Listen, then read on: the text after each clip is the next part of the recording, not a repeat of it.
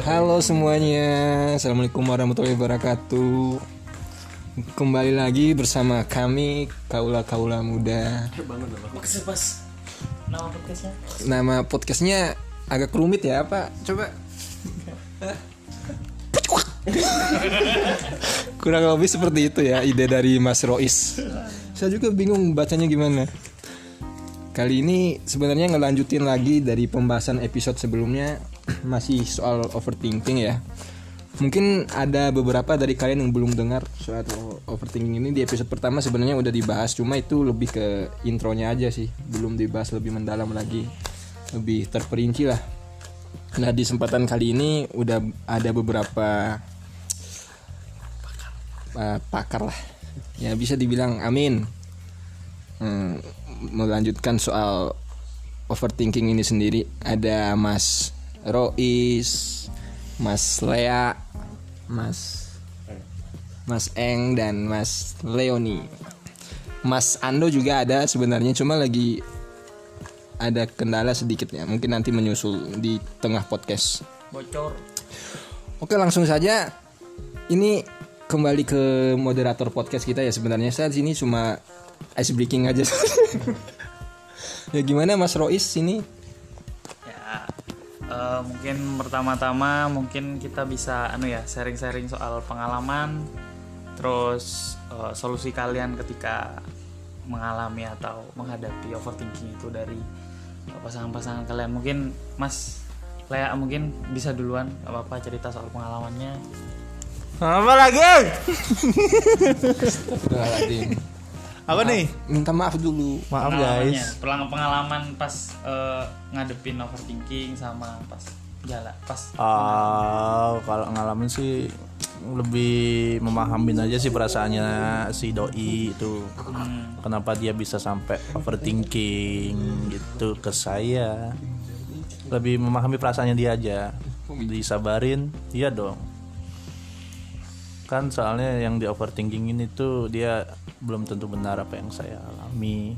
Itu kita kalau kalau masnya yang ngalamin sendiri maksudnya kalau semua dalam sudut pandang mas kalau aku overthinking oh, gitu oh, oh. aku lebih meluas ya pemikirannya kalau lagi overthinking tuh nggak terlalu mikir yang aneh-aneh gitu. Hmm, solusinya tuh ya ya udah yang di positif positifin aja gitu loh. Nggak terlalu mikir-mikir banget ya udahlah gitu loh. Belum tentu juga itu bener apa yang aku pikir gitu loh. Oh, gitu. jadi lebih ke mempositifkan pikirannya. Ya lebih percaya sama dia doi gitu mungkin eh, pengalaman ada pernah pernah ngalamin pengalaman terekstrim pas kena overthinking? Hmm. Kan mantannya banyak mas. Wow. Nggak pernah sih ya kayak kayak cemburu cemburu gitu doang sebenarnya. Cemburunya cemburunya nih karena ngelihat via sosmed atau via apa? nggak waktu nongkrong gitu kan ada temen cewek temen ceweknya temen cewek saya itu kayak lagi caper banget gitu kayak katanya dia sih. Ya sebenarnya kan enggak ya gurauan sebatas teman tuh kayak gimana sih ya? Gurau sambil ketawa-ketawa bareng gitu. Sambil dorong-dorongan bareng gitu. Nah, yang jadi masalah itu juga ini sih, emang eh, soal batasan sebatas teman itu ukuran tuh orang yang overthinking itu sulit loh. Dibatasi. apa ya batasan seorang teman. Siapa yang bisa Yang- standarisasi nah, kalau itu sebatas yang- teman itu kayak gimana? Untuk orang yang overthinking itu sulit. Ya nggak nggak ada standarisasi sebenarnya ya. Ya nggak sih? Standar seorang teman tuh gimana? Standar seorang pacar itu gimana ya? Saling ngerti aja itu loh. Kalau iya dia tahu kalau dia tuh cuma teman. Ya udah sekedar gitu aja. Bercanda ya emang bisa bercanda di standar di standar gitu? Nggak bisa. Karena kan mungkin untuk pikiran orang yang overthinking kan bisa aja ini apa kayak ya itu dari kitanya sendiri kita harus memahami dia itu seperti apa kenapa sampai overthink, overthinking. Iya, iya. Kita kasih penjelasan ke dia apa yang dia overthinking sama do itu kayak gimana kita kasih penjelasan ke dia ini lo gini gini gini nah, di situ cara kalau buat aku cara penyelesaiannya penyelesaiannya tuh seperti itu bareng-bareng gitu ngomong langsung. Iya. Oke. Hmm. Mungkin dari eh, teman-teman yang lain mungkin Mas eh, Leon. Ini siapa nama masnya ini Iya, pengalamannya mungkin. Ando Ando. Mas Ando. Ando Gojeknya dari mana? Jadi sebelum bahas soal pengalaman, sebenarnya overthinking ini ada banyak tipenya sih kalau menurut saya ya.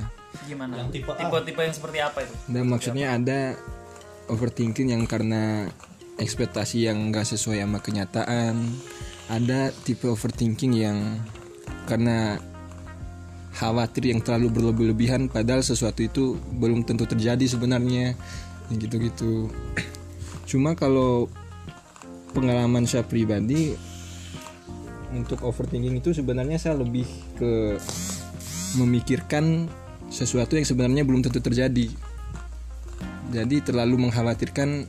Berarti menghayal gitu atau gimana? Atau Iya ka- kadang kayak misalnya ada beberapa target yang harus saya tentuin dan tenggang waktunya harus tercapai pada bulan segini misalnya. Terus saya biasanya lebih khawatir duluan. Nih gimana nih kalau targetnya nggak tercapai kayak gini-gini dan sebagainya. Kalau untuk overthinking yang mengarah ke subjek orang tersebut atau subjek pribadi lain, saya masih nggak terlalu nggak terlalu overthinking sih lebih ke ke pemikiran saya pribadi aja sebenarnya maksudnya lebih ke visioner saya pribadi aja. Kalau yang terkait ekspektasi saya ke individu lain dan sebagainya bagi saya pribadi itu nggak terlalu ngaruh untuk overthinking saya. Kurang lebih seperti itu. Tapi bukannya kalau semakin kayak gitu malah nantinya bikin ini ya apa bisa aja bikin seuzon ke subjek yang masnya maksud. Maksudnya kan nanti kalau semama overthinkingnya aja nggak begitu kata masnya. Nanti kan bisa aja malah muncul seuzon yang lain. Kayak eh, seuzon masnya itu apa ya? Hmm, lebih ke seuzon apa ya? Ke arah-arah yang aneh lah negatif. Nggak pernah kayak gitu. Masih belum muncul seu- apa belum pernah muncul seuzon kayak gitu daripada overthinking pernah sih sering sih saya kalau terkait dengan arah-arah yang negatif gitu suujon tapi kalau ini balik lagi ya ke sorry agak bawa agama dikit. Mungkin di beberapa agama mungkin kalau di agama saya sendiri agama Islam tuh ada suujon tapi ada juga husnujon ya. Nah, kalau saya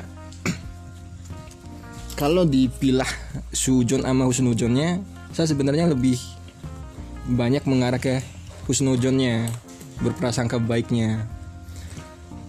Kurang lebih seperti itu. berarti kan ini tapi tetap tetap ada suara petir guys Mobil lewat oh mobil oh ini Mobil, berarti Pak. kan overthinking overthinking kan kaitannya erat sama seuzon berarti ini kan sama kan karena eh, overthinking jarang sekali yang overthinking itu yang apa ya yang Mendasar. yang berbau positif itu juga jarang kecuali ketika eh, satu momen ketika mm, menghadapi suatu anu event satu kita menghadapi suatu event terus kita berhayal-hayal oh gini kita sepertinya aku bakal ngelakuin kayak gini kayak gini kayak gini pas di event itu. Jadi kayak bisa membanggakan diri sendiri gitu loh.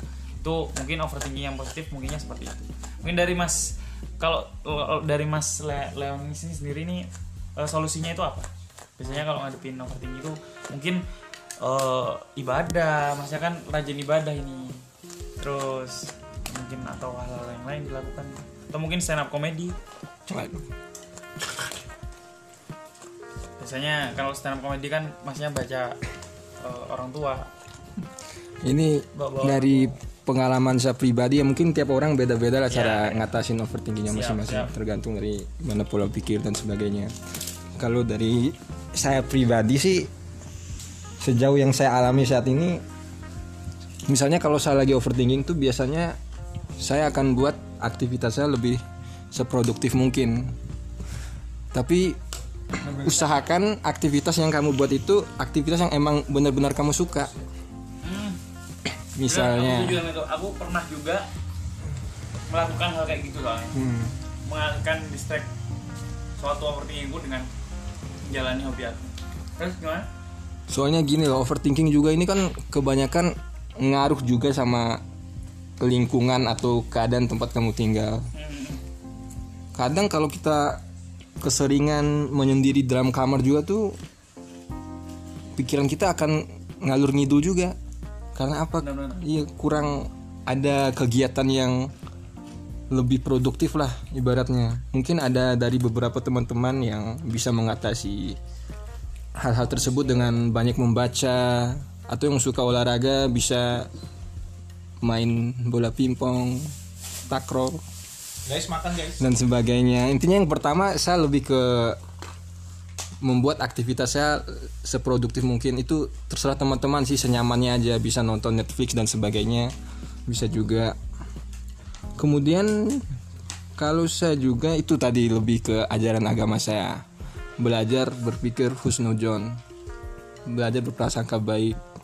Meskipun sebenarnya agak sulit sih diterapin tapi sebenarnya kalau balik lagi ke Al-Quran sebenarnya banyak ayat-ayat dalam Al-Quran tuh yang menyuruh kita untuk berprasangka baik misalnya dalam surah Al-Baqarah, surah An-Nisa dan sebagainya banyak banget ayat-ayat yang mengajarkan kita tuh berprasangka baik atas ketetapan Allah. Misalnya ekspektasi kita nggak sesuai nih sama kenyataan nih, ya udah husnujon. Karena ada beberapa hal yang sebenarnya kita sendiri tuh nggak tahu apa hikmah di baliknya dan sebagainya. Nah di situlah pentingnya kita menerapkan husnujon. Nggak boleh sujon mulu. Doanya sendiri juga banyak sebenarnya di ini sorry ya kalau patokannya Islam mulu Islam mulu ya. Saya lebih dalamnya ke situ sih sebenarnya. Di surah At-Toha tapi, misalnya. tapi percaya kok maksudnya setiap Hmm. setiap agama ya setiap agama pastilah mengajarkan. Intinya gitu ya mengajarkan hal-hal yang lebih baik. saya tuh sudah benar ya berpikir positif untuk kayak gitu-gitu. Hmm. apa kamu apa sih Buddha ya Aku dia Buddha.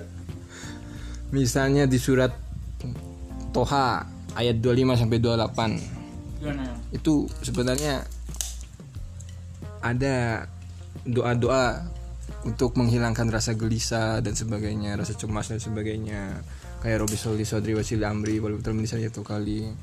Lapangkanlah dadaku, mudahkanlah urusanku, lepaskanlah kekakuan lidahku, apa segala macam terkait kegelisahan kita tuh sebenarnya bisa tersampaikan lewat doa itu dan sebagainya. Itu poin yang kedua ya husnujon. Kalau yang solusi yang ketiga bagi saya pribadi berusaha lebih sedikit terbuka sama teman. Maksudnya kalau ada apa-apa jangan terlalu dipendam sendiri. Biasakan kita cerita ke teman kita. Tapi kalau sulit sulit ya kalau yang introvert kayak gitu. Biasanya cuma teman-teman dekatnya doang sih dia lebih keter apa lebih terbukanya. Tapi nggak apa-apa sih. Yang penting jangan terlalu dipendam sendiri. Biasakan cerita. tapi bisa jadi loh kalau semama di share ke di share ke teman bisa aja kan nanti kalau semama nggak via langsung atau via chat itu kan emosi kita pas cerita itu nggak dapet gitu jadi pas kita cerita terus emosi kita yang seperti sedih atau emosi pas gimana atau marah itu kan kita nggak dapat pas kalau ngomong secara chat atau secara eh, maya gitu kan tapi kalau secara langsung ngomongnya atau face to face kan bisa tahu perasaan itu yang paling penting kan kayak gitu terus mungkin itu aja dari Mas Leon Ya mungkin itu aja sih solusi dari saya. Yang ketiga tadi itu lebih terbuka sama teman dikit. benar-benar. Biar nggak terlalu dipusingin sendiri lah. Barangkali teman kita ada ngasih saran yang bagus buat kita dan sebagainya. Kalau dari Mas Eng sendiri gimana Mas Eng? gimana Mas Eng ada pengalaman pribadi yang bisa ya biasa aja atau ekstrim tentang ngalamin overthinking atau menghadapi seseorang yang overthinking Hmm, ya. Kalau mengalami sendiri tentang overthinking ya tentunya pernah lah. Kan setiap eh, manusia itu kan makhluk yang berpikir gitu. Itulah yang membedakan dengan homo-homo yang lain gitu, homo sapien kan. Tapi em, untuk mengatasi overthinking jelas setiap orang memiliki kalau kita bicara secara teknisnya ya itu beda-beda ada yang secara teknisnya dia eh, mendapatkan pencerahan melalui eh, teks kitab suci yang dibaca mungkin atau eh, dari pengalaman hidup semasa ia kecil sampai eh, sekarang mulai dari mungkin dari didikan orang tua Ya, itu itu salah satu yang mempengaruhi untuk apa namanya memberikan problem solving atas overthinkingnya gitu. Tapi aku pengen kembali lagi dari pandangannya Lea tadi soal batasan overthinking. Memang sebetulnya kalau di generalis digeneralisasikan atau di eh, objektifkan itu tidak ada untuk batasan batasannya tidak ada nggak ada. Namun eh, ia apa ya eh, bisa menjadi atau bisa terdapat suatu batasan itu tergantung dari kemampuan individu dalam memperoleh hal-hal semacam itu. Ya kan? kemampuannya itu yang seperti apa Ya, misal eh, kemampuan diri seseorang, semisal eh, dia memiliki pengalaman eh, apa ya eh, pendidikan mungkin ya, pendidikan dari latar belakangnya yang eh, dituntut untuk selalu berpikir rasional setiap hari ya kan. Itu bisa menjadi eh, salah satu apa eh, bukti bahwa kemampuan dari dirinya sendiri itu bisa mengalihkan overthinkingnya itu lebih cenderung berpikir rasional untuk melihat permasalahan-permasalahan itu. Tapi kan kita kalau bicara overthinking kan kita nggak bisa mengira-ngira kok tiba-tiba datang gitu kan. Ya kan, Ya, tiba-tiba datang, tiba-tiba langsung kepikiran suatu hal yang padahal kita nggak menginginkan hal tersebut itu. Ya mungkin ada eh, beberapa hal, ya mungkin karena pola hidup ya, pola perilaku, pola hidup kayak sering begadang, kalau nggak eh, apa? Lingkungan pola pola konsumsi makanan juga itu mempengaruhi orang sering overthinking atau enggak. Karena yang memang sekarang udah zaman modern ya zaman modern zaman digitalisasi ya kan? Gadget semuanya gadget ada sosial media. Sehingga karena kita kemampuan untuk menerima kapasitas informasi itu belum atau jarang sekali dilatih ketika melihat informasi-informasi seperti yang ada di internet kita cenderung kayak ada apa ya, kecemasan tersendiri yang hadir. Iya berpikir liar. Ya, itu kan yang menjadi output yang paling bahaya gitu. Nah. cara mengasah kemampuan.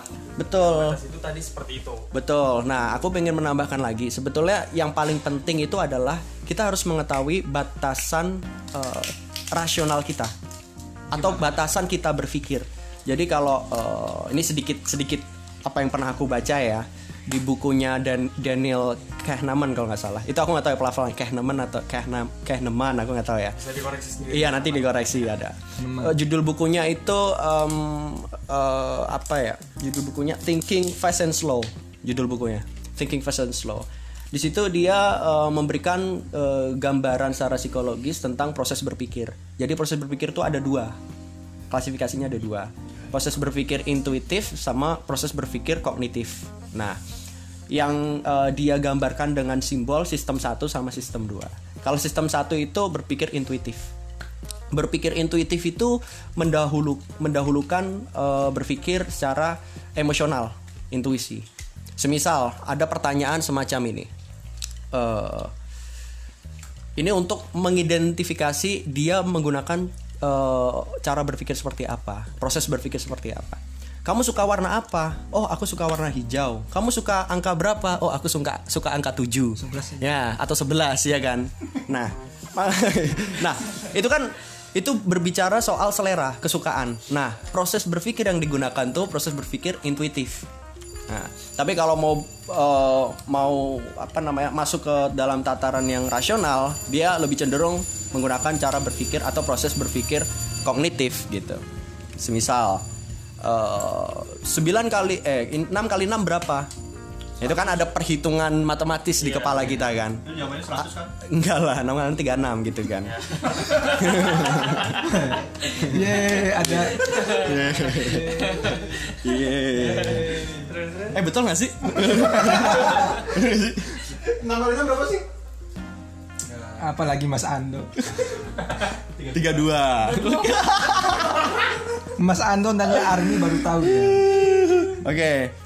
Atau ya kalau nggak kayak seperti pertanyaan eh, kira-kira negara Indonesia itu negara apa? Negara hukum bukan? Oh iya negara hukum. Kenapa? Karena diatur di dalam pasal 1 ayat, ayat 3 UUD 1945 yang mengatakan negara Indonesia adalah negara hukum. Nah, itu proses kognitif yang digunakan. Kenapa? Karena dia menggali informasi-informasi apa yang pernah kita baca, apa yang pernah kita lihat atau apa yang pernah kita alami, baik a- pengalaman teoritis atau pengalaman praktis gitu kan.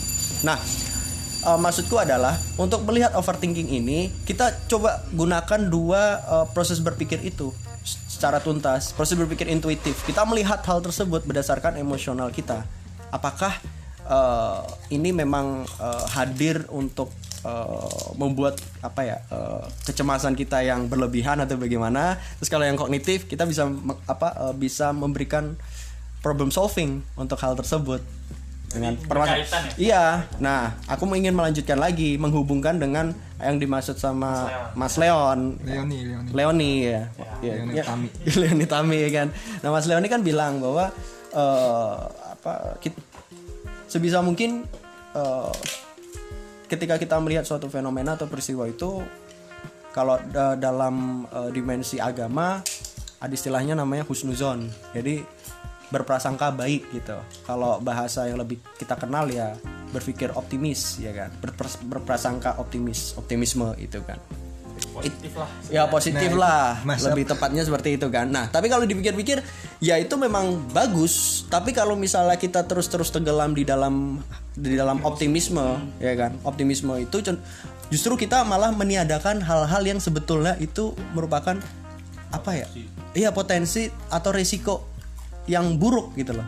Justru kita meniadakan itu. Nah bahayanya di situ apa bahayanya? Karena kita selalu berpikir eh, berha- apa berekspektasi suatu hal yang selalu bagus-bagus terus gitu. Melihat seseorang oh tapi dia bagusnya seperti ini bagusnya seperti ini. Nah itu ada kecenderungan kepalsuan yang hadir kan? Kita tidak menerima kenyataan bahwa orang ini tidak memiliki kemampuan A misal. Tapi kita menutupinya dengan oh nggak apa-apa tapi kan dia eh, selalu baik ke- kepada sep- apa setiap orang. Dia selalu eh, memiliki apa kemampuan B seperti ini yang seolah-olah menutupi A padahal bisa jadi A dan B itu tidak berhubungan gitu kan. Tapi eh, gimana caranya menyeimbangkan? Kalau semama kan kalau terlalu positif jadi kalau terlalu positif pikirannya takutnya eh, melupakan resiko-resiko yang tadi. Nah kalau yang men- caranya menyeimbangkan dengan pikiran negatifnya supaya tetap ada resikonya itu seperti apa mungkin mas? Ya. ini bisa Ya ini kembali lagi ya.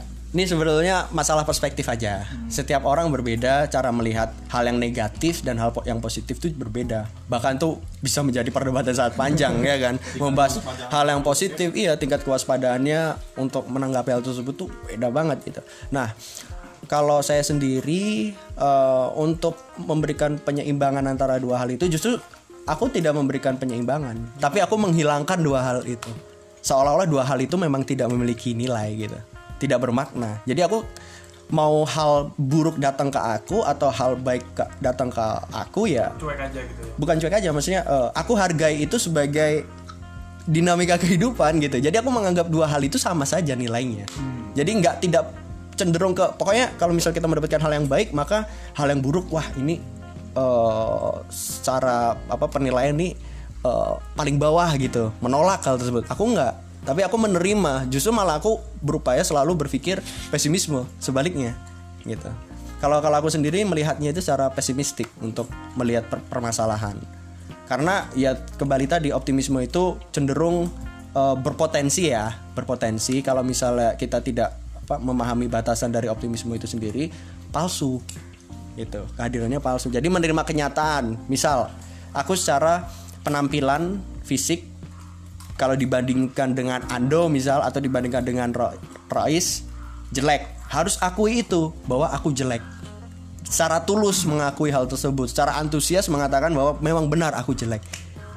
Nah dari situ ketika kita sudah meng- apa sudah mengakui ya kan di dalam alam bawah sadar kita kita sedang berkompromi dengan diri sendiri gitu loh. Berarti harus berani menertawai kekurangan diri sendiri. Betul. Nah mungkin mungkin secara teknis kan gitu. Berani menertawakan diri sendiri. Self deprecation ya apa tadi? Self deprecation. Self? Deprecation. Deprecation oke itu.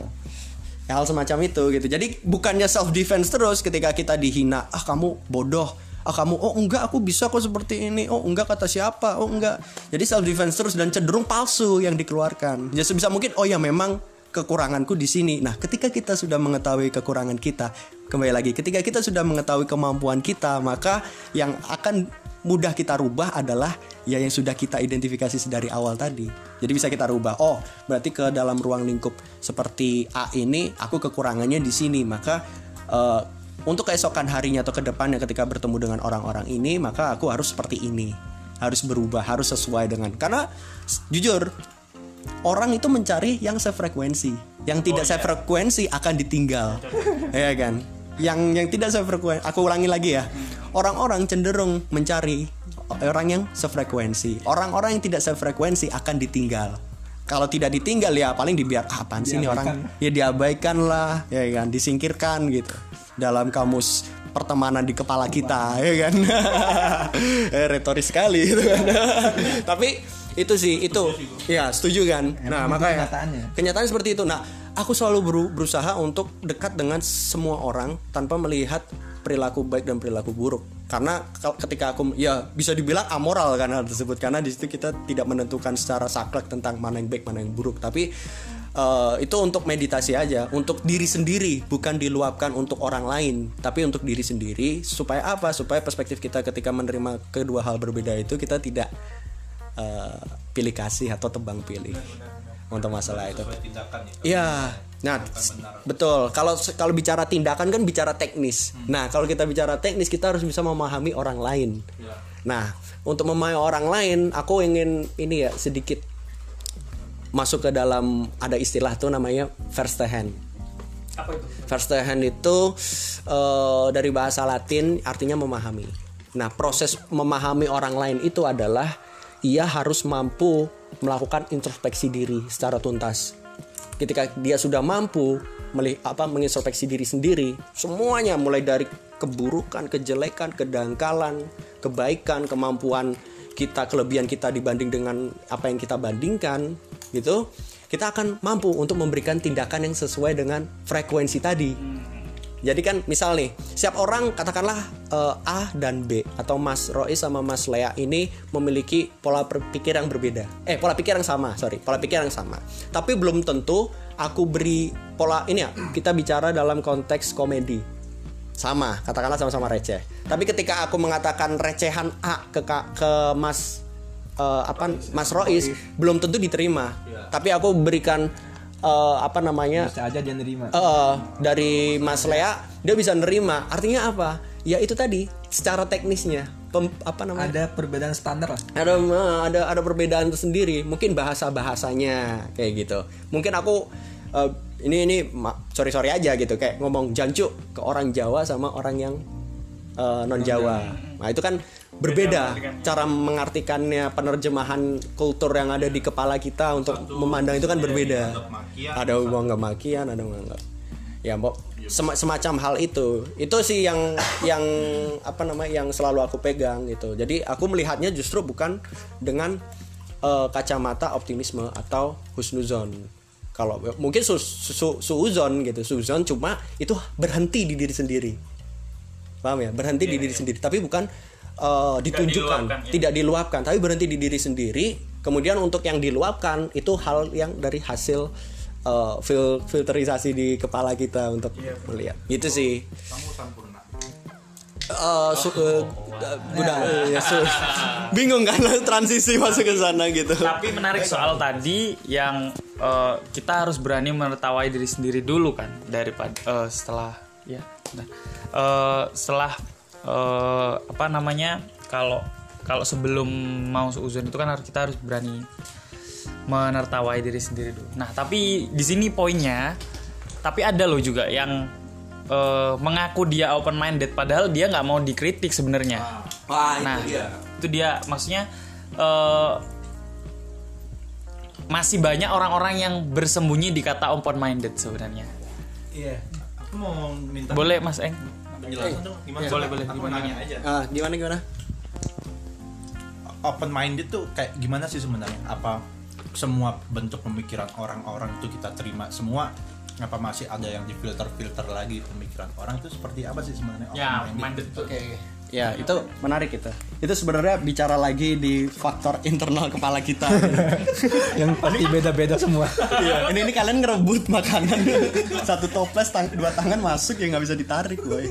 Kejebak tuh, dalam. aku mau lihat pandangan Ah. kalian tuh seperti apa sih open minded itu. Eh, kembali ke ya open minded sebetulnya eh, nah, nanti bisa ini ya ditambahin dari teman-teman yang ada di sini yang lagi nongkrong ini ya jadi open minded yang eh, aku baca sebetulnya dia mampu menerima semuanya menerima semuanya baik itu buruk maupun eh, Dan dia ambil pelajaran di dalamnya. dan dia mengambil pelajaran di dalamnya. Nah, proses pengambilan pembelajaran atas yang buruk dan yang baik itu adalah uh, internal diri kita, kemampuan kita. Nah, kemampuan kita kan tentu tidak terlepas dari referensi gitu loh. Kita butuh referensi. Referensi itu bisa kita dapatkan di mana saja. Referensi buku, referensi YouTube dengan karena ada uh, apa uh, internet ya kan digital, sosial media karena ya hal-hal perkembangan zaman sekarang ini yang semakin pesat itu referensi bisa atau referensi dengan uh, berbicara orang yang lebih tua atau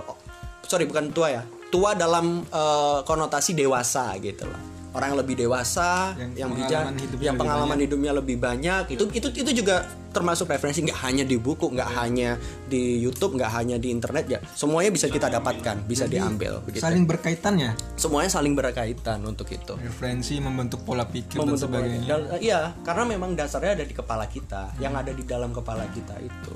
Jadi se- semacam semacam semacam kita semacam kita seperti ini. Kan ada tuh kayak eh, orang berbicara yang tidak mm, berkenan bagi hatinya orang lain gitu. Ya kan. Terus dia memberikan eh, kritikan atau hinaan lah atau men- menyetop hal tersebut dengan mengatakan oh jangan kayak gitu dong kalau kamu bilang kayak gitu eh, kamu nggak open minded justru orang yang mengatakan dia nggak open minded adalah dia orang yang sedang tidak open minded Jadi paradoksnya di situ Berarti dia tuh membatasi. membatasi Iya. paradoksnya Maksudnya kok dia memaksakan tolak ukurnya dia ke orang lain iya dia iya dia. Oh iya. kayak enak banget gitu. Nah, jadi open kalau dia open minded, dia mampu untuk menghancurkan batasan-batasan gitu. Sederhananya seperti itu. Jadi ketika ada berbicara, Nah ini sorry kayak Iya, iya. luar konteks banget kan ya. ah, nggak apa ini ini kita ngalir aja, kita ngalir aja. Apa-apa. Keripiknya juga masih banyak. Karyawan bro. jadi ya, jadi ya semacam itu. Uh, apa itu tangannya? jadi ya semacam itu. Kalau mau open minded, jadi tetap eh, kalau mau open minded ya kita harus bisa menerima segala hal, baik paling buruk aib Dan itu Atau kita apa? nilai bukan nilai suka tidak sukanya itu kan. suka Kita. ya terlepas dari itu. Boleh boleh sangat boleh. Justru sangat boleh gitu kita memberikan ekspresi suka dan tidak suka kepada orang lain. Tapi tentu kan eh, tidak semua orang bisa menerima itu. Jadi eh, sebetulnya tergantung dengan iya konteksnya keadaannya seperti apa. Apakah memung- memungkinkan kamu mengatakan ah saya tidak suka lagu ini di lagu misal lagu rock aku nggak suka lagu rock di tempat kamu sedang ada Ada lagu rock lagu style, ya. iya lagu Renaissance di sana dan ke- kebetulan juga ada fans-fansnya di sana atau Ya. lagu K-pop yang paling sederhana ya kan kita berkumpul dengan orang-orang K-pop yang suka dengan lagu K-pop terus kita mengatakan saya tidak suka itu boleh-boleh saja sah-sah saja untuk meluapkan eh, apa eh, ekspresi ketidaksukaan tapi tentu harus juga terima konsekuensi yang seperti apa kalau open minded dia terima konsekuensi bahwa dia akan dipukulin. ya dipukulin, dihina, kena sanksi perkumpulan dari orang-orang itu kan. Tapi emang open minded orang open minded itu cenderung kan diem. Ketika ada sesuatu dia menghadapinya diem. Mereka lebih suka mendengarkan daripada eh, apa ya menga- menghakimi atau gimana gitu ngasih ngasih jawaban yang eh, sekiranya takutnya menyakiti perasaan orang itu. Dia lebih baik mendengarkan dulu, dia lebih baik belajar dulu dan tahu semuanya, baru dia eh, memberikan pandangannya dia sendiri. Biasanya orang open minded kayak gitu. Eh, Dia open minded tapi dia diem nahan berak nih. wah, Iya. Tadi jokes kayak jokes ya tadi. Iya jok. Oh, jokes. Ya gimana gimana? Kok kayak, kayak, kayak bau sampah gitu ya. Enggak kan tadi Mas siapa namanya Mas Rais? Gimana? Hmm? Kamu nggak bisa ng- nganu PCX? Minjemin motor PCX. Mario sih Jadi eh, of- mungkin eh, dari pengalaman-pengalaman teman- teman-teman di sini, dari teman-teman yang di rumah ini yang dengerin atau di mana pun dengerin itu eh, bisa dapat pelajaran lah dari yang kita omongin tentang orang-orang overthinking, terus cara ngadepinnya, solusinya seperti apa. Mungkin dari teman-teman sendiri juga eh, punya solusi sendiri soal overthinking ini. Dan eh, maaf, maaf sambil makan nih. Nah, terus dari kalau aku sendiri ya mas ya, kalau aku ngadepin pengalaman dulu pas masih SMP masih masih alay-alaynya, masih alay-alaynya itu dulu kalau galau atau overthinking itu biasanya dengerin lagu-lagu yang yang bikin melo atau bikin yang ngerok atau dangdutan kayak gitu. Ya, aku masuk dikit ya Gimana, soal-soal yang lagu itu Ah. ya. Kadang-kala ada yang bilang kayak gini, kalau kamu galau, jangan dengerin lagu-lagu slow, jangan apa dengerin lagu-lagu yang ini. Nah, Tapi kenapa tuh gitu? Lagu-lagu Nanti keras, tambah lagu- galau. nanti tambah Ah, galau. ah. Nah, Nah, ini ini ini bagi ini ya kacamata overthinking, eh, Ah. overthinking, kacamata open minded versiku ya, Ya, versiku ya, ya. sendiri. Tidak usah memberikan batasan seseorang untuk mendengarkan lagu apa pun itu, baik lagu galau, baik apa baik lagu galau maupun lagu keras gitu Karena dia punya punya cara dia punya selera sendiri. ya, Ya, dia ya. punya selera dia punya caranya sendiri kalau misalnya dia galau dan didengarkan lagu itu ingin menuntaskan kegalauannya Hmm. sampai habis itu tidak masalah gitu itu bukan suatu hal yang menjadi perdebatan serius yang bahkan dibuat suatu artikel-artikel nah itu aku kurang sepakat gitu aku kurang sepakat Ya, karena ya, bener, bener. dia berupaya untuk membuat suatu standarisasi mutlak bahwa semua orang tidak bisa galau ketika ia mendengarkan lagu keras Iya, iya. seolah-olah Iya. semua manusia seperti padahal kita tahu sendiri manusia itu dinamis selalu berubah selalu, selalu berbeda nah per- eh, kesamaan manusia itu ada pada perbedaan itu sendiri gitu Iya iya benar-benar setuju setuju setuju. Sebenarnya intinya kita nggak boleh maksain standar kita untuk orang lain itu juga terima. Kita nggak boleh mak- maksain tolak ukur apa yang kita punya untuk subjek selain kita juga terima. Karena setiap individu sebenarnya punya standarisasi yang berbeda-beda. Iya iya benar. Nah, sebenarnya pada intinya kalau tadi kan bahas lagu ya. Misalnya orang itu dia bisa ngatasin rasa galaunya dengan lagu rock, ya nggak apa-apa selama manfaatnya bisa dia dapatin. Why not gitu loh. Iya iya dilakukan ya. Mm-mm. Yoi. Ayo dong, jokesnya mana nih? Aku takut dibully lagi. Aku dipukulin ya mas. iya, padahal aku ngejokes mulu, tapi mereka nggak open minded. anda gak open minded anda udah gak minded Nah Aku dari juga nggak bener. paradoksnya paradoksnya dia? Secara nggak langsung kita menempatkan standar masing-masing ke subjek lain kan. iya Maksud gitu. itu ya ini contoh. Justru ini bisa dijadikan apa simulasi Itu bukan contoh sih. itu emang refleks bangsat. itu bumerang gitu.